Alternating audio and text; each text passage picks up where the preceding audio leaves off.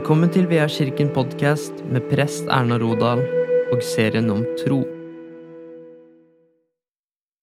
Hei og vel møtt til en ny episode i serien om tro, med tema Guds omsorg og nærvær i hverdagen.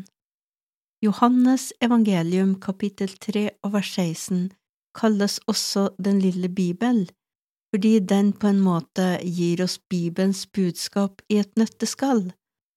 Og der kan vi lese For så høyt har Gud elsket verden, at han ga sin sønn den enbårne, for at hver den som tror på ham, ikke skal gå fortapt, men ha evig liv. De ordene sier alt om Guds kjærlighet for verden og for oss mennesker, og når Gud elsker oss så høyt at han gir det mest dyrebare han har, nemlig sin eneste sønn, for at vi skal bli frelst og få evig liv, kan det da være noe Gud ikke vil gjøre for oss når han elsker oss så høyt? Nei, det er ingenting Gud ikke vil gjøre for oss eller hjelpe oss med, bortsett fra det som fører oss bort ifra Han eller bort fra Hans vei. Alt kan vi komme til Gud med, Han omslutter oss med sin godhet og kjærlighet, og Han er alltid nær oss og vil alltid hjelpe oss.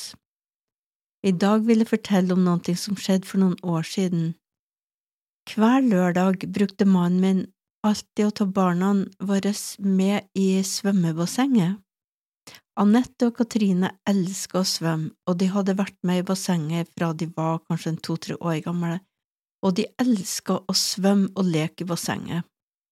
Så en lørdag eh, morgen da vi sto opp, hadde Katrine, vår yngste datter, som da var sånn tre–fire år gammel, og hadde fått feber og var syk.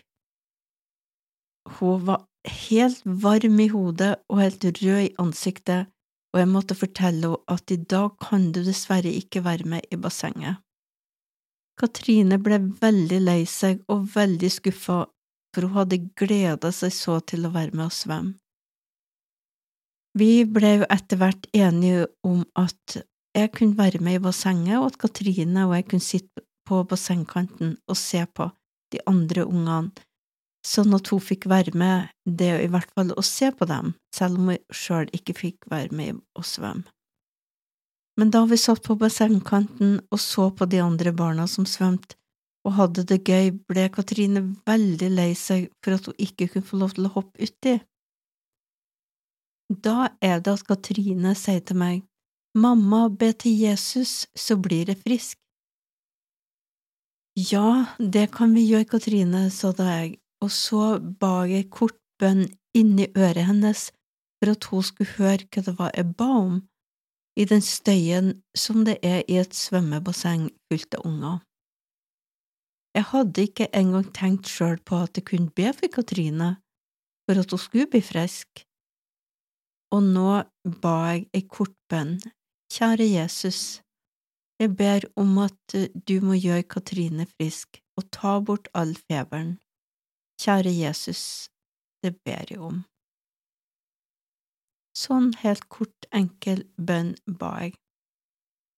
Og da gikk det bare noen få sekunder, så sier Katrine, Mamma, nå er jeg frisk, nå kan jeg svømme.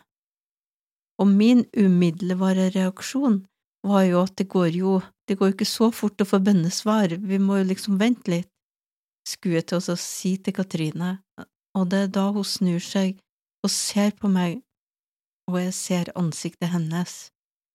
Hun var helt normal farge i ansiktet, feberen var helt borte, og feberglansen i øynene var borte. På noen få sekunder så har miraklet skjedd. Og jeg må jo bare innrømme at jeg hadde litt betenkelighet med å la henne få gå ut i bassenget, hun hadde jo nettopp hatt høy feber og var veldig syk. Kunne virkelig ta sjansen på å la henne gå i bassenget og svømme.